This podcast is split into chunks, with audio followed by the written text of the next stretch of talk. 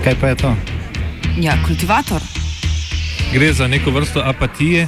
To lahko reče samo kreten, noben drug. Socialni invalid in ga je ne mogoče urejati. Drugi kandidat. Pa, pa pije, kadi, masturbira, vse kako ti lahko reče. Nihče tega ne ve. Vsak petek skultiviramo dogodek tedna. Lahko po kriterijih radio študent, težko pa po evropskih kriterijih. Ampak na drug način, kot vi tu mislite. Kultivator vedno užge. Da pač nekdo sploh omenja probleme, ki so, in da pravzaprav sploh nekdo sproži dogajanje uh, v družbi. To drži, drži.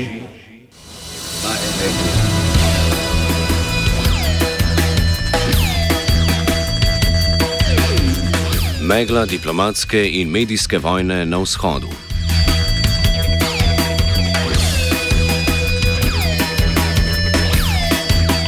V današnjem kultivatorju se posvečamo odnosom med Evropsko unijo in Rusijo. Še posebno pozornost bomo posvetili medijskemu pokrivanju Rusije in ruske zunanje politike. V zadnjem tednu smo bili priča neuspešni diplomatski inicijativi za ponovn zagon mirovnega procesa v Ukrajini, s katerim je poskusila kanclerka Angela Merkel. Prav tako neuspešna so bila pogajanja o prekinitvi ognja v Siriji med ZDA in Rusijo. Na današnjem sestanku voditeljev držav Evropske unije se ti niso uspeli poenotiti o svojem odnosu do Rusije. Teden je začinil še britanski zunani minister Boris Johnson, ki je v britanskem parlamentu pozval k protestom pred rusko ambasado v Londonu. Rusijo pa je razburilo še zaprtje bančnih računov medijske hiše RT, bivša Russia Today v Veliki Britaniji.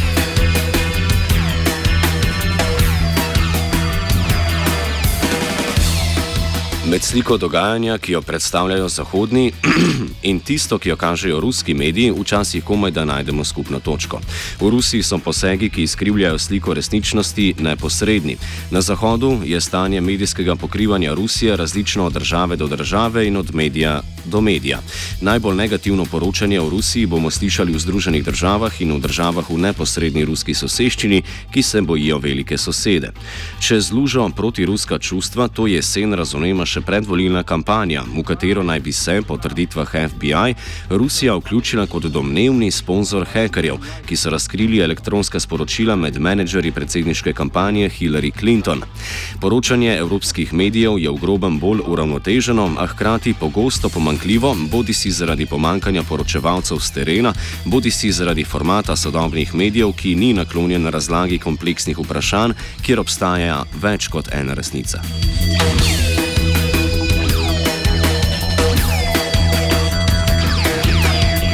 Odnosom z Rusijo je bil namenjen tudi današnji prvi dan vrha Evropske unije v Bruslju.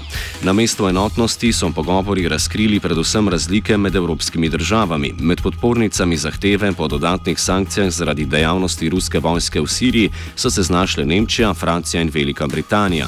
Nemška kanclerka Angela Merkel in francoski predsednik François Hollande sta se s Putinom srečala že sredi tedna v Berlinu. Čeprav je bil glavni del diplomatske dejavnosti tam namenjen Ukrajini, se je sestanek zaključil z nič kaj prijateljskim pogovorom o Siriji. Francoski predsednik je takrat dogajanje v mestu Alep označil za vojni zločin. Nikakor torej ni bilo presenečenje, ko so včeraj zvečer tri največje članice Evropske unije v skupno izjavo ob koncu pogovorov želele vključiti grožnje z dodatnimi sankcijami. To je preprečil italijanski premijer Matteo Renzi o podpori njegove nekdanje zunanje ministrice in zdajšnje visoke predstavnice Evropske unije za zunanjo politiko Federike Mogherini. Končna izjava je takoj, oziroma končna izjava je tako vključevala zgolj obsodbo ruskega bombardiranja Alepa in splošno izjavo o tem, da obstajajo vse možnosti odprte.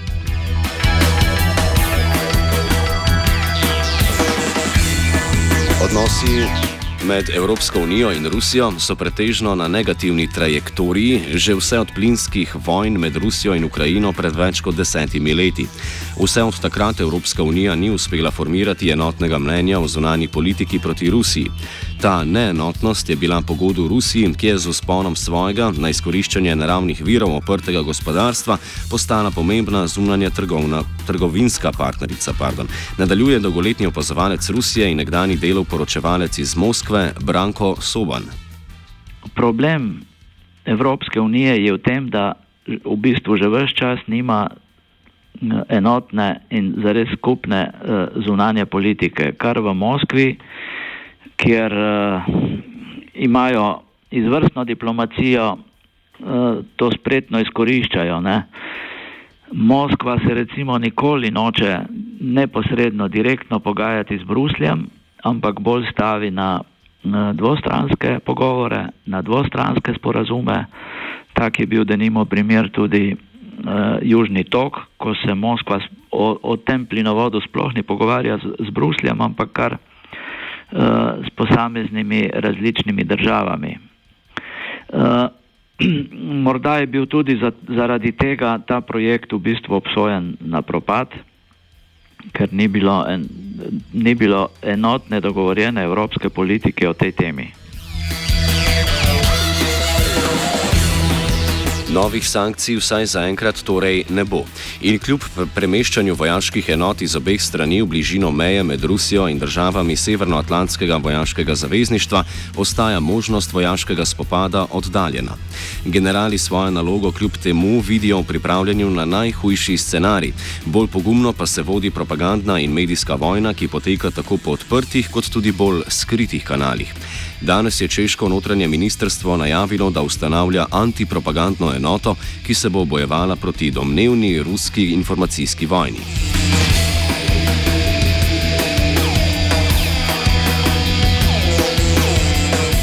Domnevni poskusi Rusije, da bi vplivali na javno mnenje v zahodnih državah, pa letos razburjajo tudi američane. Ti so Ruse obtožili, da so oni vir spletne strani Wikileaks, ki je v zaključni etapi ameriških volitev začela objavljati elektronska sporočila med menedžerji kampanje Hillary Clinton. Njen nasprotnik Donald Trump je na drugi strani Putina označil za močnega in prebrisanega voditelja. Obe dejstvi sta že zaustrili nastrojenost že do sedaj do Rusije nenaklonjenih ameriških množičnih političnih medijev. Do medijev ZDA je kritičen profesor sodobne ruske zgodovine na Univerzi Columbia Steven Cohen, ki se je v pričajočem posnetku pogovarjal z novinarjem Tomom Hartmanom. Our mainstream media, from the New York Times to the Wall Street Journal and the Washington Post, our cable and news networks, from MSNBC to Fox and all the rest, are not reporting this. Now and then they show some pictures of NATO tanks creeping around someplace. Na washingtonski politični sceni se politika odvija na bolj odprti sceni, kot je to značilno za Bruselj ali Berlin. O pomenu medijev za ameriško politično elito v pogovoru s Hartmanom nadaljuje Cohen. Uh, when Walter Pincus, the national security writer, very good one, for the Washington Post retired, I think about two months ago, his last column said, that if you want to send a memo to the president or Congress, it has to appear on the op ed page of the Washington Post, the New York Times, or the Wall Street Journal. That's probably a bit of an exaggeration, but not much of one. Those pages have not featured uh, anyone with my point of view, and there are at least a dozen of us, some of them much more eminent than myself. If I told you some of the famous people whose op eds have been rejected, by those papers, you'd be a bit startled because you'd think they'd want them just for the star quality. But the new Cold War uh, is being reported in this country in a more sided, one sided way than was the 40 year long preceding Cold War.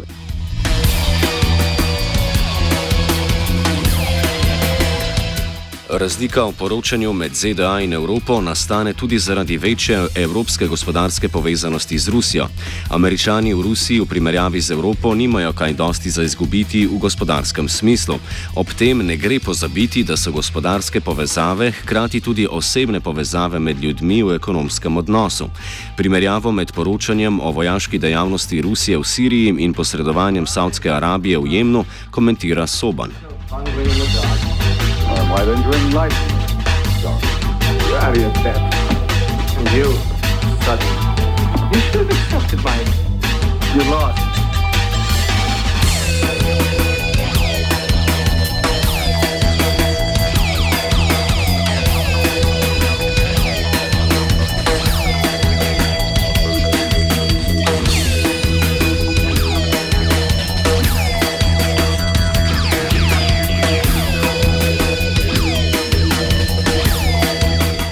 Se opravičujemo za tale uh, freudovski slip, namreč začeli smo z napačnim uh, paragrafom in zdaj le po kratki pauzici pričenjamo z ta pravim.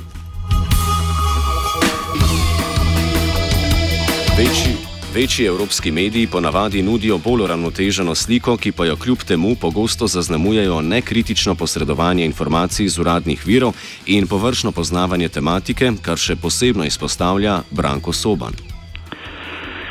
No, kar se tiče poročanja velikih zahodnih medijskih, medijskih hiš v Rusiji, lahko rečem, da je to poročanje izjemno kritično. Zdaj, do neke mere ne, se s takim kritičnim odnosom uh, do Rusije strinjam, uh, še zlasti, ko gre za kritiko ruske okupacije Krima in agresije na vzhod Ukrajine. Ne. To je v bistvu uh,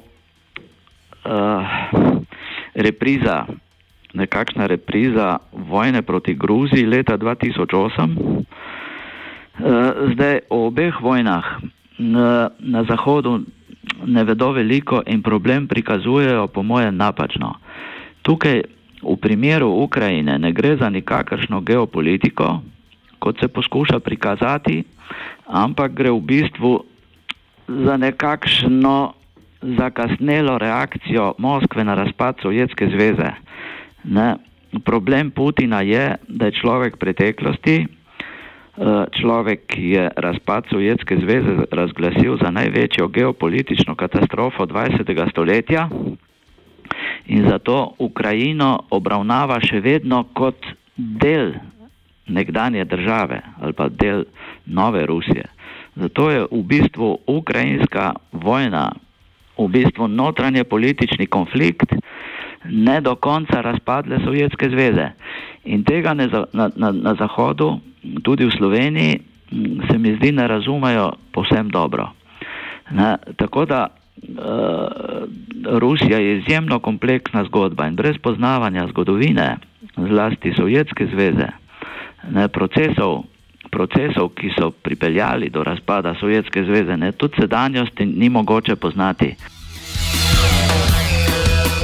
Veliko vlogo pri tem igrajo gospodarske realnosti, v katerih so se znašli današnji množični mediji. Prihodki so nizki, izvirno in kritično poročanje pa ni nagrajeno. Namesto tega ima prednost ažurnost tudi za ceno kvalitete, nadaljuje Soban. Problem današnjega medijskega poročanja je, da mnoge medijske hiše v bistvu nimajo več dopisnikov v tujini. Ne? Kapital noče resnice o dogodkih, ne? zato dopisnike, dopisnike umika in, in tako kompleksnih tem, kot je Rusija, kot je recimo Bližnji vzhod, iz Ljubljane, ne vem, iz Bruslja, iz Lizbone ali pa iz, iz uh, Lusake, pač preprosto ni več mogoče pokrivati. Ne?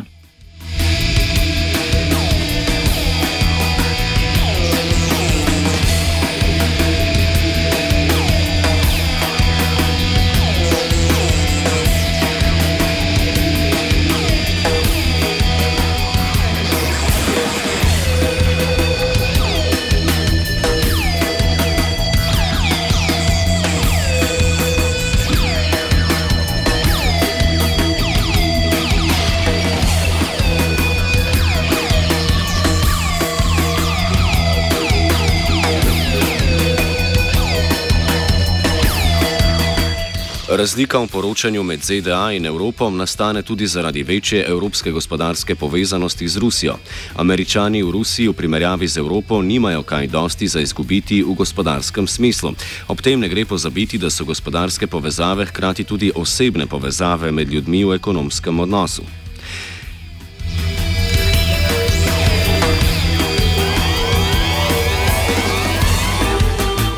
Retorična prerivanja pa niso omejena zgolj na klasične medije. Pred tednom dni so si na socialnem omrežju Twitter sporočila izmenjavali uradni naslovi britanskega zunanjega ministrstva in ruske ambasade v Londonu.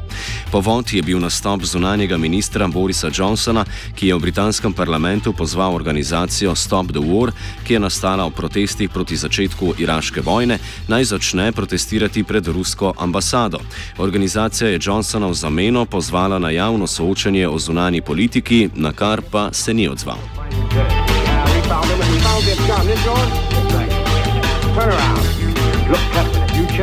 Rusija in Evropa sta preveliki in si delita preveč zgodovine, da bi bil lahko njun odnos enostaven in lahko razumljiv. V 80-ih so mediji znali igrati pozitivno vlogo v zbliževanju Zahoda in Rusije. S kopičenjem kriznih žarišč, kjer so si interesi obeh strani v naskrižju, pa se gosti tudi megla nerazumevanja na obeh straneh. Dogodki zadnjega tedna niso storili nič, da bi to meglo razpihali.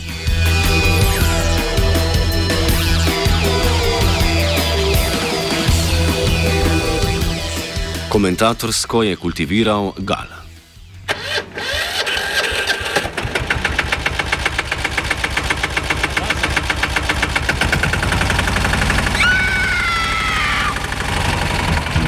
E, kaj pa je to? Ja, kultivator. Gre za neko vrsto apatije. To lahko reče samo kreten, noben drug. Socialni invalid in ga je ne mogoče urejati. Drugi kandidat. Pa, eh, pije, kadi, masturbira, vse kako človek počne. Nihče tega ne ve. Vsak petek skultiviramo dogodek tedna. Lahko po kriterijih radio študent, težko pa po evropskih kriterijih. Ampak na drug način, kot vi tu mislite. Kultivator vedno užge. Da pač nekdo sploh omenja probleme, ki so, in da pravzaprav sploh nekdo sproži dogajanje uh, v družbi. To drži, drži. Слушаете радио «Студент» на волнах Послухайте радіо «Студент» на хвилі 89,3 89,3 МГц. У КВ Старого бажаємо вам Желаем ясного вам сигналу ясный та сигнал чіткої и картинки. чистый снимок.